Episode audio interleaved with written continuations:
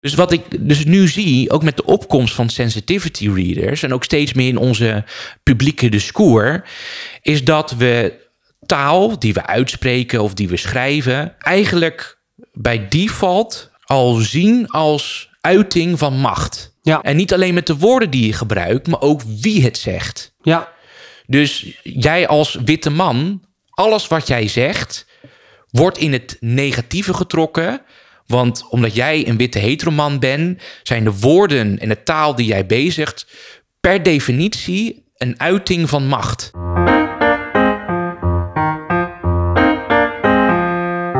Een gesprek over maatschappelijke onderwerpen waar de mitsen, maren en nuances worden opgezocht. Mijn naam is Lars Bentin, ik ben bestuurskundige en schrijver. ik ben Erik van der Plicht, docent maatschappijwetenschappen en socioloog. Welkom bij Gezwever, de podcast.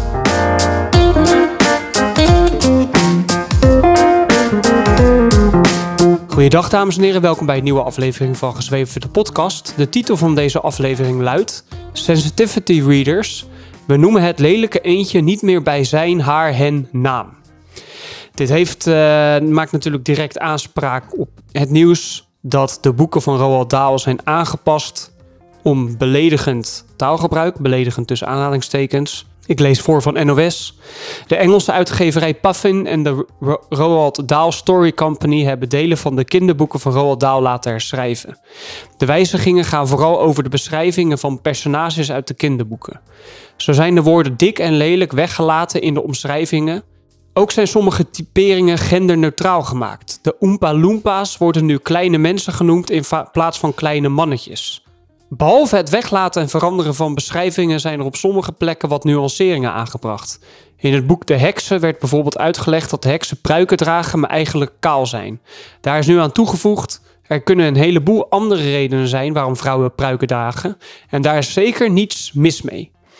En er zijn dus eh, sensitivity readers ingezet om het hele oeuvre van eh, Roald Dahl door te nemen. En sensitivity readers die letten eigenlijk op gevoeligheden of eventuele gevoeligheden op teksten. En daar, daar worden dan aanpassingen door gemaakt. Nou, dit is ehm, in de media Ja, gaan er nu eh, Ja. veel discussie over natuurlijk. Dit gaat om de Engelstalige boeken. En de vraag is nu ook wat gaat dit betekenen voor de vertalingen straks van Nederlandstalige boeken. En daar wilde jij het eh, over hebben, over de rol van sensitivity readers, eigenlijk over sensitivity readers. En dat ga jij analyseren vanuit drie taalfilosofische stromingen. ja, Vertel. ja. Eh, ik, ik, je leest het net op en ik, ja, ik blijf het nog steeds absurd vinden als ik het hoor. Zeker die toevoeging eh, van vrouwen kunnen kaal zijn om heel veel redenen en dat maakt helemaal niet uit. Ja, dat, ja, precies, want we zaten het net even voor te bereiden. Je, bent een, je zit een kinderboek te lezen en daar staat dan dat heksen kaal zijn en eh, dat ze pruiken dragen. En dan staat er zo'n zin achter. Er kunnen een heleboel andere redenen zijn waarom vrouwen pruiken dragen, dragen en daar zeker niets mis mee. Ja, dus je- Dat is, dat, inderdaad, dat is inderdaad absurdistisch. Ja, ja. ze slaat het hele verhaal plat. En eh, nou goed, de Nederlandse uitgever heeft ook al aangegeven dat het juist en om dat soort provocerende opmerkingen en politiek incorrecte zinnen, kinderen het juist heel erg leuk vinden. Ja, eh, om het te horen of om het te lezen, omdat het karikaturen zijn. Hè. Het zijn overdrijvingen van, eh, van personages in het boek. En dat vinden kinderen natuurlijk heel erg leuk. Die zitten niet te wachten op al die nuanceringen. Waar het mij om gaat is de rol en de functie van taal in onze, in onze maatschappij. Ehm, want ik zie in de opkomst van sensitivity readers zie ik eigenlijk een beetje hetzelfde als wat je in eh, het bedrijfsleven of in het openbaar bestuur, maar ook bijvoorbeeld bij universiteiten, dat je de opkomst ziet van diversity officers. Eh, het is eigenlijk het, het, het analyseren en het bewaken van machtsrelaties in een organisatie, en in dit geval in de taal.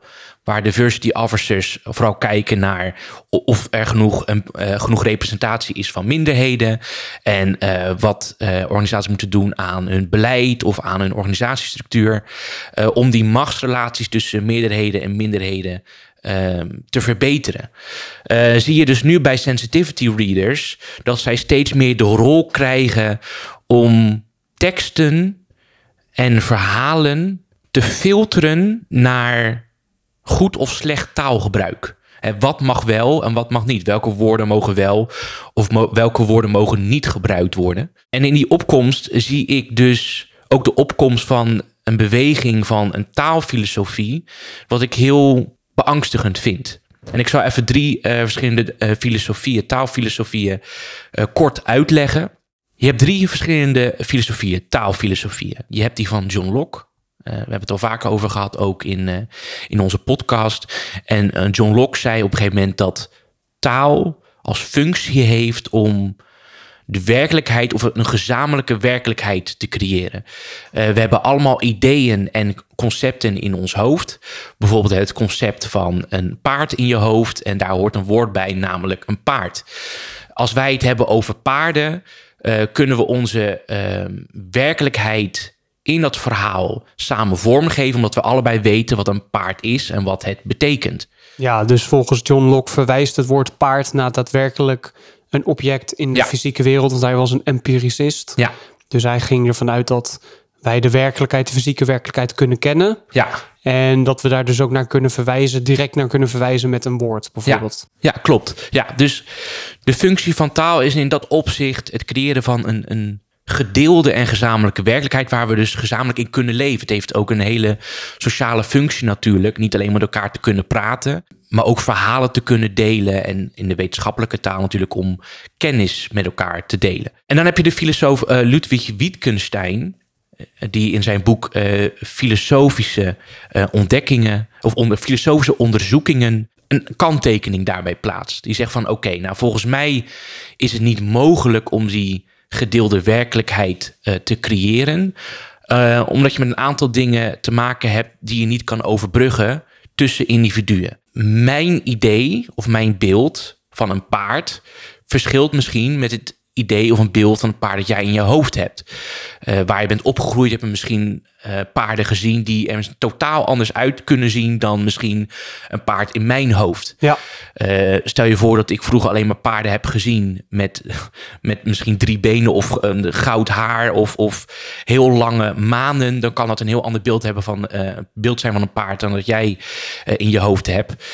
Waardoor het woord niet concreet verwijst naar een gezamenlijk beeld. Ja. Dus je kan daarin dus al verschil in interpretatie hebben van het woord, verschil in idee van het, wat het woord betekent.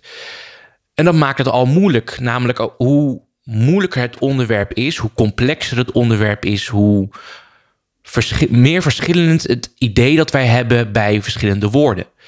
Eh, Jordan, Peterson, Jordan Peterson, een filosoof die eh, wij allebei hoog hebben zitten, die zegt niet voor niets dat je concreet moet zijn in de woorden Die je gebruikt. die je gebruikt. Ja. Dat is natuurlijk niet alleen omdat je jezelf daarmee forceert om zo concreet en duidelijk mogelijk te zijn in je overtuiging, zodat je eh, jezelf aanleert om dingen goed te overdenken, ideeën goed te overdenken. Maar het is ook om ervoor te zorgen dat de persoon waar je mee praat, of het verhaal dat je opschrijft voor de lezer, dat de lezer of degene die je aanhoort, zo goed als mogelijk Ja. weet waar je het over hebt.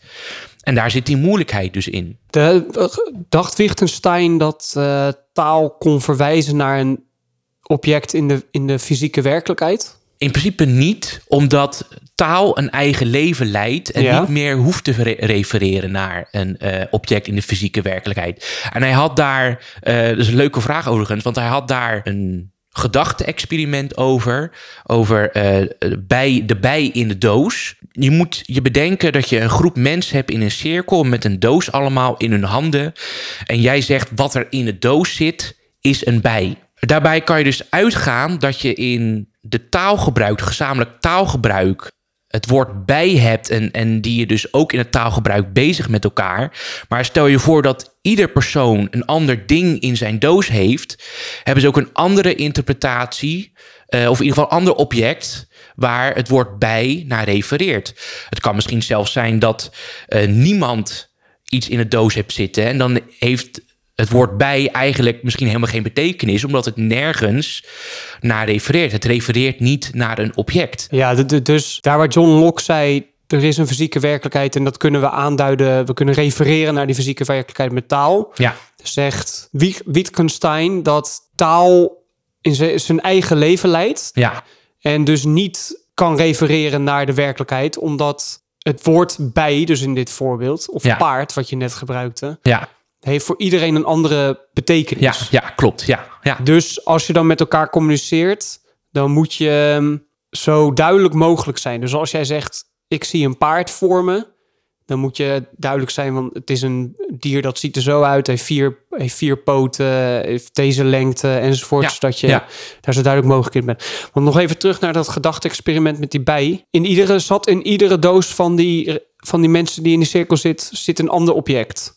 Nou, hij geeft dus als eh, een aantal scenario's waarbij eh, de doos of allemaal verschillende dingen eh, kan bezitten. Dus ieder persoon heeft een ander ding in de doos. Hij gaf ook het scenario dat het misschien zelfs kan zijn dat niemand iets in de doos heeft zitten en het woord dus nergens naar verwijst. Dus hij geeft een aantal scenario's voor waarbij hij laat zien dat een woord niet, niet direct hoeft te refereren naar een object of niet kan refereren naar een object. Ja, ja, ja, ja, duidelijk.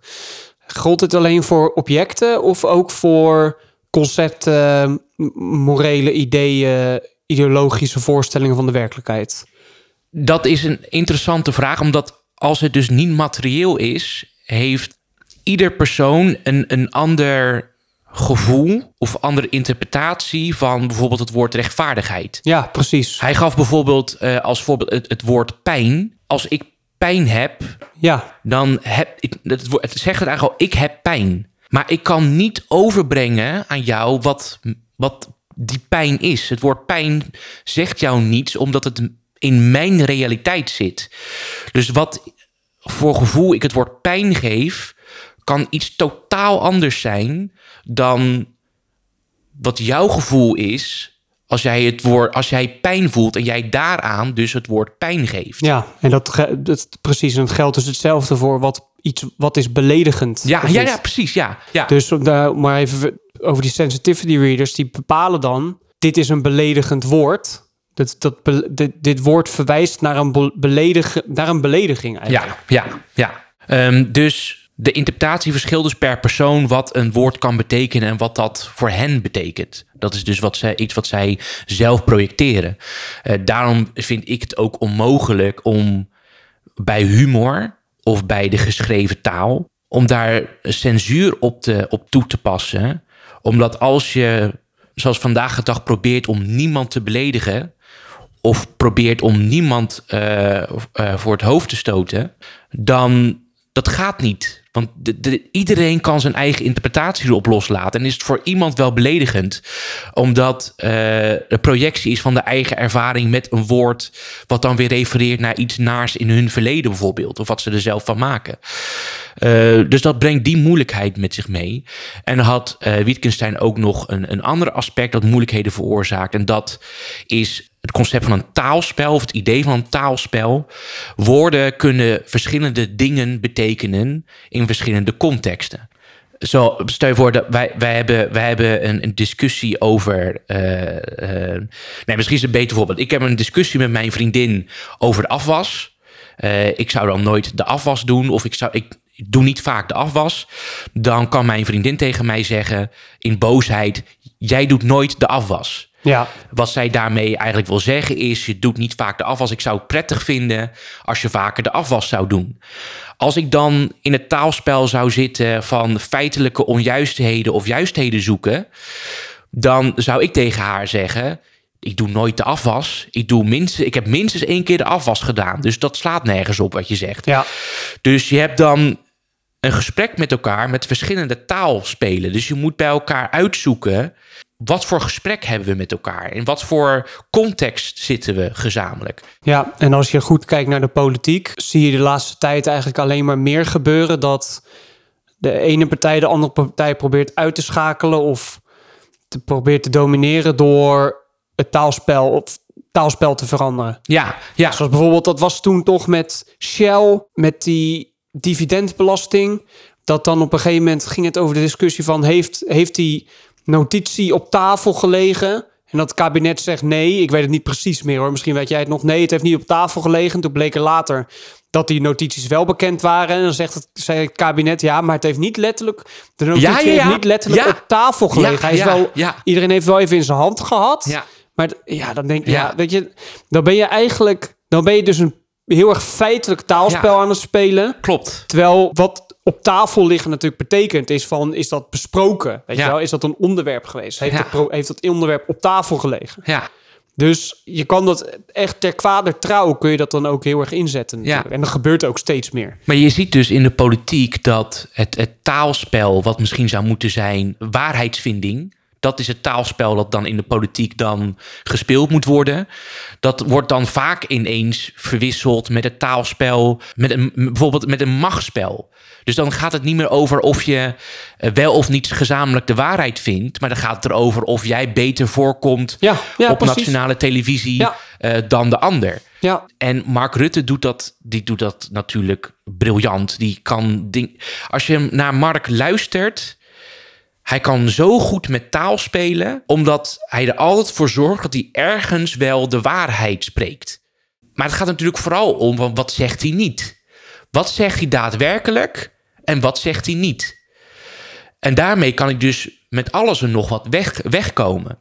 ja, Bijvoorbeeld als hij zegt van ik heb daar geen actieve herinnering aan. ja. Dat is briljant. Ja, maar- Geen actieve herinnering aan. Betekent niks. Het betekent niks. Het betekent niks, maar als het iets zou betekenen, dan zou, dan zou het betekenen dat hij er geen herinneringen heeft, aan heeft dat hij zich direct kan herinneren. Ja, Of zo. ja, ja, ja, ja. Maar als hij er eventjes 10 minuten gaat zitten en gaat nadenken, dan Ja. zal hij het zich vast wel weer kunnen herinneren. ja. En, en dat is dus wat ik precies net bedoelde met eh, immateriële concepten, zoals iets herinneren. Ja, Dat is voor iedereen anders. Je kan, ik kan niet zien. Ik kan niet zien wat bij jou herinner, wat het, de activiteit herinneren is. Dus hij gebruikt een, ik zou bijna zeggen, een, een, een neologisme, dus een, een, een zelfverzonnen woord bijna. Ehm, wat zo vaag is, wat iedereen een andere invulling kan geven. En dus kan niemand hem erop pakken. ja. Want En iemand dat, kan eh, dat, en dat doet hij natuurlijk eh, heel vaak. ja, En daarom is, het- is het eigenlijk een schande dat hij überhaupt nog minister-president is. Maar dat is een andere discussie. Dat is een heel land. Ja, precies. Ja, ja. Maar dat is, dat is wel echt zo. Maar daar gaan we Ja. even aan voorbij. ja. Oké, dus Wittgenstein die stelt taal, met taal... Iedereen heeft eigenlijk een andere betekenis bij woorden. En we kunnen dus niet... Het, het- je moet in communicatie zo goed mogelijk je best doen... om met elkaar daar uit, uit, uit die, die brug als het ware... Ja. die tussen je in staat te komen. Ja. Ja, want eh, en, en dan in combinatie met eh, het taalspel dat je speelt, en dan eh, ga ik zo'n connectie maken met een andere taalfilosofie, maar bijvoorbeeld dikke vrouw. Roald Dahl kan iets descriptief beschrijven. Dikke vrouw. Het is gewoon een gezette vrouw, dikke vrouw, punt. Dat is het taalspel van het omschrijven van een vrouw. Wat woke-activisten steeds vaker doen en ook steeds meer het publieke discours opleggen, is dat je taal niet meer ziet als iets dat omschrijft, bijvoorbeeld, maar als het manifesteren van een machtsrelatie. Dus als een schrijver in zijn verhaal schrijft dikke vrouw, dan is het een machtsrelatie opstellen waarbij de minderheid onderdrukke, onderdrukte minderheid, namelijk dikke vrouwen, niet alleen vrouwen, maar ook nog dik, is dat een daad van onderdrukking gemanifesteerd in de cultuur. Dus door de literatuur heen. Ja, door het discours dus. Ja, heen. precies. Ja. Ehm, en dat is ook een van de redenen waarom ik het gebruik van eh, het woord wit en zwart heel erg kwalijk vind. Want je kan natuurlijk ehm, donker en blank, of donkere mensen, of gekleurde mensen, of blanke mensen, kan je van alles nog wat vinden. Eh, mensen zullen zeggen dat daar ook een, een machtsstructuur in zit, omdat blank een bepaalde eh, st- eh, positie zou hebben in onze maatschappij. Maar dat betekent niet dat je dan maar woorden moet gaan verzinnen. Of nou niet verzinnen, dat je woorden moet gaan gebruiken die ook een machtsstructuur aanbrengen. Want wit is geen beschrijving meer. Het is niet meer eh, personen beschrijven vanwege een huidskleur. Het gebruik van het woord wit heeft een machtsfunctie. Ja. Die eh, de woke-activisten de maatschappij hebben opgelegd om via de taal weliswaar een andere machtsstructuur aan te leggen, maar alsnog een machtsstructuur te creëren met het gebruik van woorden. Oké, ik, ik, ik zou daar iets tegen in willen brengen. Ja. Want witheid, zoals ik het begrijp vanuit eh, mijn studie als socioloog, wordt witheid wordt eigenlijk, gaat niet meer over de huidskleur van een persoon, maar over de sociale, sociaal-economische en sociaal-culturele positie van een persoon. Dus ik Ja. zie wit, ik zie de term wit en zwart eigenlijk als een veel bruikbaardere term dan blank en, en eh, donker gekleurd. Ja, Waarom?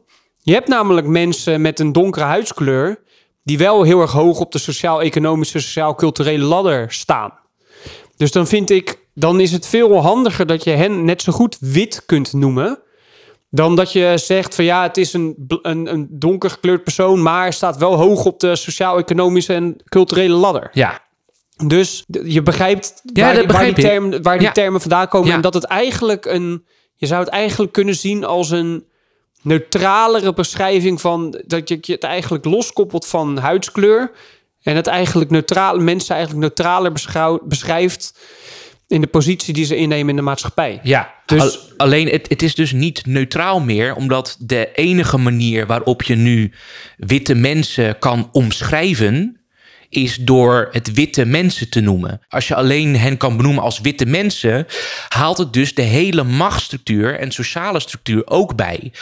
Dus stel je voor dat je een, een wit persoon wil omschrijven, mag je tegenwoordig niet meer blank zeggen. Je moet wit zeggen. En als je wit zegt, haalt het gelijk die hele sociale structuur erbij. Zou je zeggen, eh, wit is een makkelijke term die je naast blank kan gebruiken om ook de sociale structuur en positie te verwoorden? Zou ik er helemaal voor zijn. Ja, Alleen het punt is, is dat beschrijvende woorden, zoals blank, niet meer mogen. ja, En je alleen nog maar het woord wit hebt, Ja, wat niet een neutrale definitie heeft, maar een hele sociale structuur Ja, met zich meebrengt. dat is, alleen, dat is alleen niet hoe ik naar witheid kijk. Dat is, en dat is dus, sluit dus precies, weer aan bij. Wittgenstein natuurlijk, wat jij net hebt omschreven. Ik zie witheid, witheid niet als een vervanging van blank. Helemaal niet. Maar ik denk wel dat het veel nuttiger is om vanuit witheid te spreken dan vanuit blank. Want ik heb bijvoorbeeld in mijn klas heb ik een paar leerlingen die hebben een donkere huidskleur of een getinte huidskleur. Maar die zijn wel wit.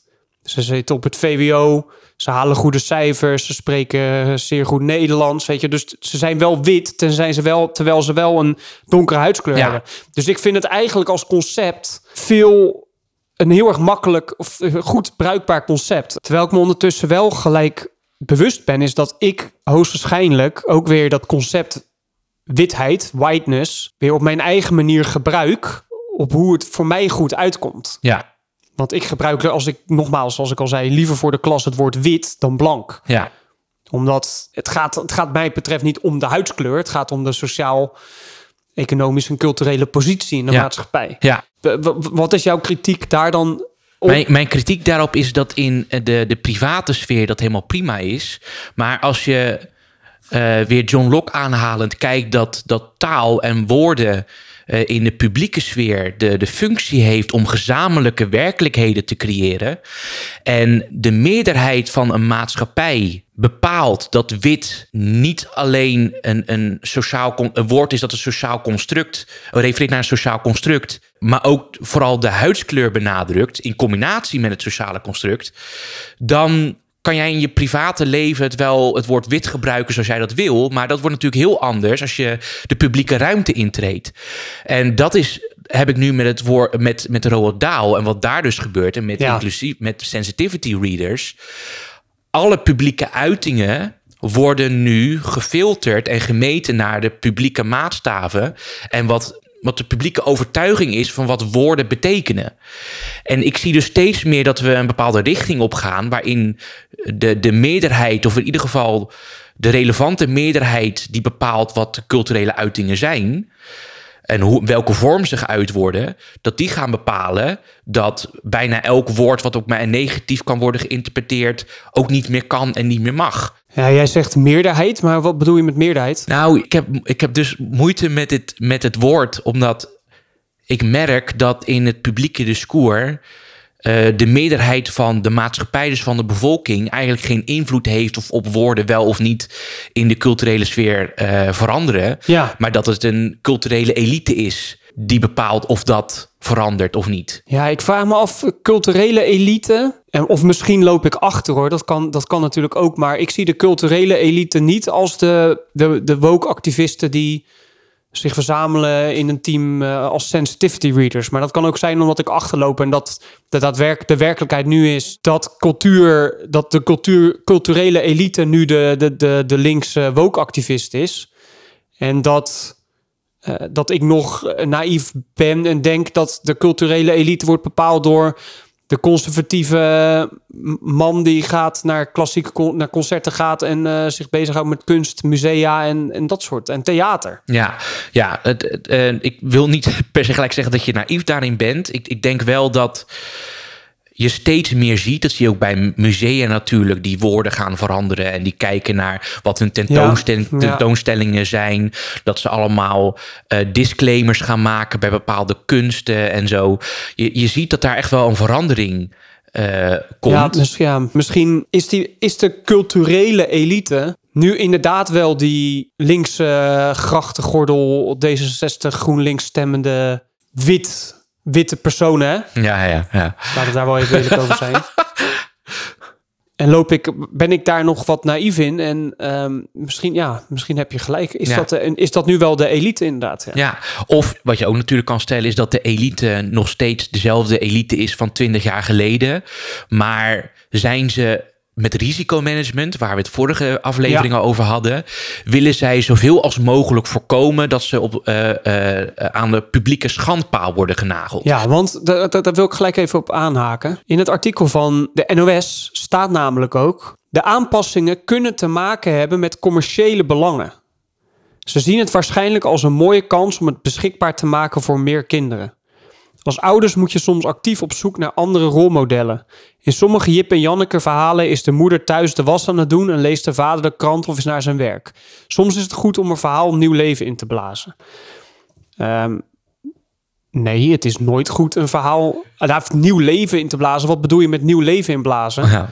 Als nieuw leven inblazen betekent dat je het verhaal zodanig herschrijft zodat het past in jouw ideologische narratief. Ja. Nee, dan is het nooit een goed idee. Waarom ik dit aanhaal is dat je dus, wat jij dus zegt, misschien heeft het met risicomanagement te maken. Want zeer waarschijnlijk liggen er alsnog gewoon commerciële belangen onder. Ja.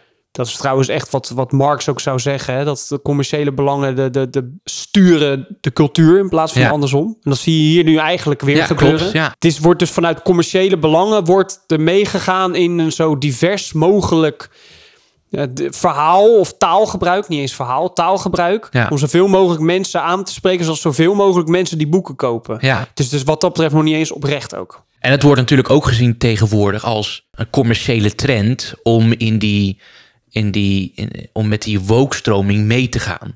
He, we hebben het al ja, vaak ja, over gehad, precies. over Pride Month, dat al die bedrijven en zo Ja. hun uh, dingen, hun uh, profielfoto gaan veranderen. Ja. Dus uh, daar is dit een ook een onderdeel van. Maar ook al is de culturele elite, is dat niet de elite, zijn dat niet de woke-activisten, of nog niet, zie ik dus met die sensitivity readers een, een, iets opkomen, een, een beweging opkomen, of een manier van denken opkomen uh, met betrekking tot onze literatuur en onze cultuur, die ik beangstigend vind.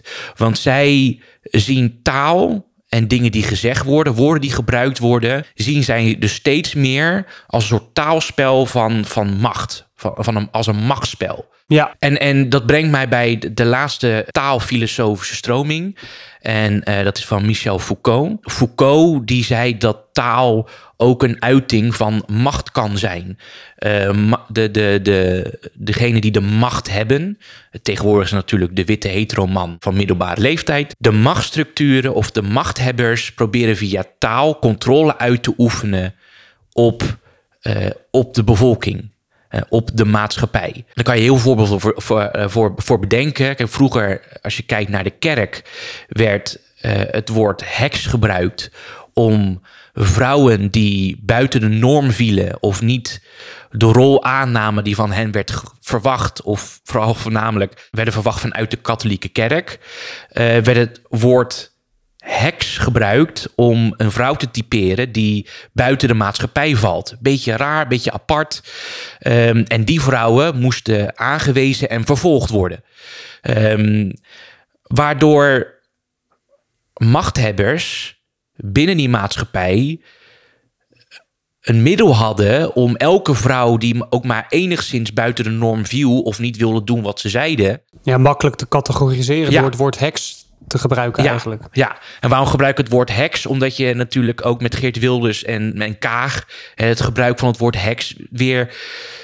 Het heeft een hele connotatie. Ja, Dat weer teruggrijpt naar eh, de tijd van de censuur van de katholieke, katholieke kerk. ja, En daarom is, was dat beeld van Kaag met al die mensen om de heen met, met fakkels. Nou ja, goed, ik krijg daar een beetje. Ik krijg er echt een naar gevoel bij. Omdat heks een hele andere lading heeft dan alleen maar. wat misschien Geert Wilders dan graag wil laten zien dat hij het op die manier doet. Een soort taalspel van humor. Politieke humor. Ja, ze is gewoon een heks. Ja, mag toch wel zeggen? Ja, dat bedoel ik niet op de manier dat je haar moet opjagen en dergelijke. Nou goed. Dus woorden hebben bepaalde eh, betekenis. Dat zie je bijvoorbeeld ook bij het woord allochtoon. Allochtoon werd in het leven geroepen omdat dat een beter woord was dan buitenlander. Dus het woord werd in het leven geroepen, allochtoon, als een neutrale beschrijving van mensen die buiten Nederland kwamen. ja, En naarmate de tijd vorderde, werd het steeds meer een ander woord. ja, Allochtoon ging totaal iets anders betekenen dan een neutrale omschrijving Ja. van, van die mensen. En dan kan je dus zien dat het woord allochtoon dus ook een machtsrelatie impliceerde. Namelijk allochtoon werd uiteindelijk steeds vaker gebruikt als woord om denigrerend te praten over andere mensen. ja. Wij, wij kunnen dat woord gebruiken om een ander aan te wijzen die lager op de sociaal, sociale ladder staat. Ja, Door te zeggen, je bent een allochtoon. ja, ja, klopt. Dus, dit, dus en, en er zit heel veel nuance goed, in. wat, hè? wat, wat er dan vervolgens gaat gebeuren is, dan wordt de term officieel aangepast naar Nederlander met een migratieachtergrond. Ja. Maar er verandert, Er verandert niks. er verandert niets. Want eh, dat vind ik zo, zo mooi aan, aan, aan, die, aan taalfilosofie, is dat eh, we even refereren naar Locke, hè, naar een concept in je hoofd wat gekoppeld aan een woord. Het concept wat kwaadwillenden hebben eh, bij het woord allochtoon, namelijk een denigrerende uitspraak voor iemand van een buitenlandse afkomst bijvoorbeeld, Ja, wordt op een magische wijze gaat, springt dat over naar het nieuwe woord dat eerst werd gezien als een neutrale omschrijving. ja, Dus daar, dadelijk wordt een niet-westerse migrant eh, wordt de nieuwe allochtoon. ja. Een Nederlander met een niet-westerse migratieachtergrond Ja. is de allochtoon die we eerst hadden. Ja, precies. Ja, en, en dat is ook waarom ik eh zo moeite heb met het aanpassen van die termen. Want het is een tijdelijke oplossing. De, de- nee, er is, het is niet eens een oplossing. Het is, trouwens, het is trouwens helemaal geen oplossing. Het is het veranderen van een, woord, van een woordgebruik met het idee dat daardoor die machtsverhoudingen vervallen. Maar Ja. dat is helemaal niet waar. Nee. Want het blijft bestaan, het krijgt Ja. alleen een nieuwe naam. Ja, het is eigenlijk virtue signaling. Het is pure virtue signaling. ja. Dus wat, wat ik hierbij wil, wil, wil, wil aangeven, eh, alle drie de taalfilosofen en alle drie de taalfilosofieën eh, hebben natuurlijk een kern van waarheid. Woorden refereren naar concepten en het is moeilijk met elkaar te communiceren omdat iedereen een ander idee heeft bij een woord en bij een concept. En inderdaad, taal kan gebruikt worden eh, als machtsmiddel. Ja. Tuurlijk. Dus alle drie de taalfilosofieën hebben een, een, een kern van waarheid. Waar bij mij nu de zorg ligt, is dat je als maatschappij ervoor kan kiezen eh, hoe je naar taal kijkt. Hè, wat is de, de, de het heersende paradigma hoe je naar taal kijkt? Is het dat je vooral naar taal kijkt als beschrijving, dus woorden die refereren naar concepten, objecten, ideeën? Of ga je taal vooral zien als een machtsmiddel? Ja. Als een manier om een machtsstructuur in stand te houden? ja. En ik zie dus steeds meer dat. En dat dus het aanpassen van taal die machtsstructuur kan doorbreken. Precies, ja. de- ja. Ja, dus wat ik dus nu zie, ook met de opkomst van sensitivity readers en ook steeds meer in onze publieke discours, is dat we taal die we uitspreken of die we schrijven, eigenlijk bij default al zien als uiting van macht. Ja. En niet alleen met de woorden die je gebruikt, maar ook wie het zegt. Ja, Dus jij als witte man, alles wat jij zegt, wordt in het negatieve getrokken. Want omdat jij een witte heteroman bent, zijn de woorden en de taal die jij bezigt per definitie een uiting van macht. Ja. En daar ligt mijn zorg, omdat sensitivity readers worden nu vooral gezien als een, een, als een onschuldig middel om ja. eh, verhalen te verrijken met andere invalshoeken. ja te verrijken inderdaad. Ja. Bij, bij de tijd te brengen. Ja, ja, precies. Ja. Wat ik me kan voorstellen, als ik, eens- als ik een verhaal schrijf over eh, iemand die eh, mentaal beperkt is of gehandicapt is, lichamelijk gehandicapt is, dan zou ik heel graag willen weten van mensen die dat persoonlijk hebben ervaren, hoe hun ervaring is als lichamelijk gehandicapte. Of eh, mentaal beperkte. Nou, als mentaal beperkt dat niet kunnen doen aan de ouders bijvoorbeeld. Hoe is het om, om zo te leven en hoe kan ik dat zo goed als mogelijk omschrijven in mijn boek? Dus verrijking daarvan is prima. Maar waar ik veel angst voor heb, is dat sensitivity readers een nieuw instituut worden. Die past in de woke-beweging, die steeds meer ruimte inneemt in onze publieke discours. Ik had net al over diversity officers die eh, steeds meer bepalen eh, hoe beleid en de organisatie gestructureerd wordt eh, in onze publieke sector bijvoorbeeld, maar ook in de private sector steeds meer.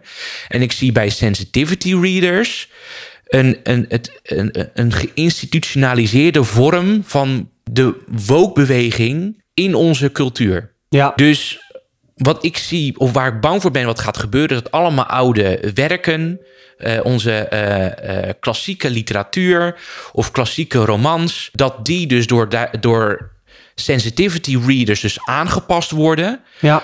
omdat woorden kwetsend kunnen zijn. Ja. En kwetsend is dus niet meer het woord wat betekent dat je een naar gevoel bij hebt. Kwetsend betekent tegenwoordig dat er een machtsrelatie in schuil gaat en dat Ja, het en dat is. Ja, precies. En dat is ook kwetsend aan zich. Ja, Want wat is dan de volgende stap? Nu worden woorden aangepast, maar wat is de volgende stap? Dat ze bijvoorbeeld verkrachtingsscènes uit boeken gaan halen? dat zou kunnen. Ja. Omdat dat kwetsend is of Ja. beledigend. Of scènes uit een boek waar iemand voor wordt gepest. Ja. Gaan ze dan ook maar uithalen? ja. Ja en, dan, dan is de volgende stap volledige verhalen verbieden. Want ja, een heel verhaal an- kan ook al kwetsend zijn. Ja. ja, omdat je natuurlijk ook in, in, in met, met, ook met betrekking tot taalfilosofie ook steeds meer erachter komt dat je, ook al ga je woorden veranderen, ook al ga je woorden verbieden, eh, ook al ga je verhalen verbieden, mensen blijven toch wel gevoelig of voor hun eigen vooroordelen of voor hun eigen interpretatie en zitten in hun eigen realiteit. Wat betekent dat als je macht wil uitoefenen op wat mensen denken, je heel erg ver kan gaan Ja, in eh, taalgebruik en de invloed die je op taal hebt. En dat is mijn angst die ik heb bij sensitivity readers en de opkomst daarvan. En waar ik aan dacht toen ik eh, het bericht zag over Roald Dahl.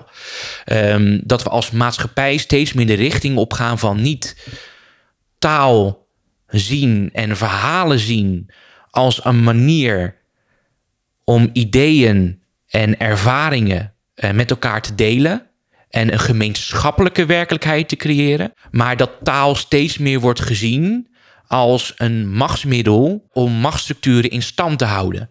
En als we dat steeds meer op die manier gaan zien, dan ligt het het natuurlijk aan en is het alleen maar afhankelijk ja. van wie de macht op dat moment heeft. ja wie, wie plaatsneemt in die groep sensitivity readers. Ja, wie plaatsneemt in eh, die groep mensen die uiteindelijk de macht en invloed kunnen uitoefenen Ja, om de balans naar hun voordeel te krijgen. ja.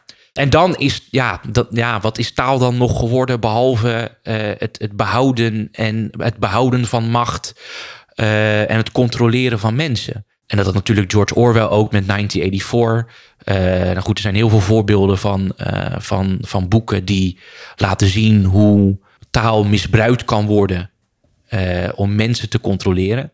En ook nu ik dit zo aanhoor, kom ik toch weer tot de beslissing dat ik er niet aan mee ga doen. Zoals bijvoorbeeld het woord allochtoon. Het woord allochtoon omschrijft iemand waarvan een van de ouders uit het buitenland komt. Dat is een allochtoon. Ja, Ik ga niet nu het woord Nederlander met een migratieachtergrond gebruiken, omdat dat zogenaamd neutralere term zou zijn. Terwijl het precies hetzelfde betekent. Sterker nog, op het CBS staat ook: de definitie verandert niet, alleen het woord. Ja, Dat is kinderachtig. Dat is simpelweg denken van... Dat, dat is alsof je een toneelstuk speelt... En, en je buurman die speelt een rol in dat toneelstuk... en die doet een vrouwenkostuum aan... dat je, dat je dan volledig gelooft van... oh, nu is die een vrouw, weet ja, je wel? ja, ja, ja, ja, ja, Terwijl je gewoon weet... nee, maar het is nog steeds mijn buurman. ja, Als je volwassen bent. Als je kind Ja. bent, als je klein kind bent... ja. dan denk je van... oh, mijn buur, dat is een, een totaal ander persoon. Dat is hetzelfde als, als hier. Er verandert niets behalve de term. ja. En ik doe daar niet aan mee. Zo simpel is het. En eh dankjewel voor je uiteenzetting voor vandaag. Ja, heel leuk. Volgende week nemen we geen aflevering op, want dan zit ik in Mexico. En de week daarna nemen we wel een aflevering op, denk ik, maar dan iets later. Mocht je deze aflevering nou leuk vinden, abonneer je dan op ons kanaal. We zijn ook te vinden op alle sociale media kanalen. En tot de volgende aflevering. Tot de volgende keer.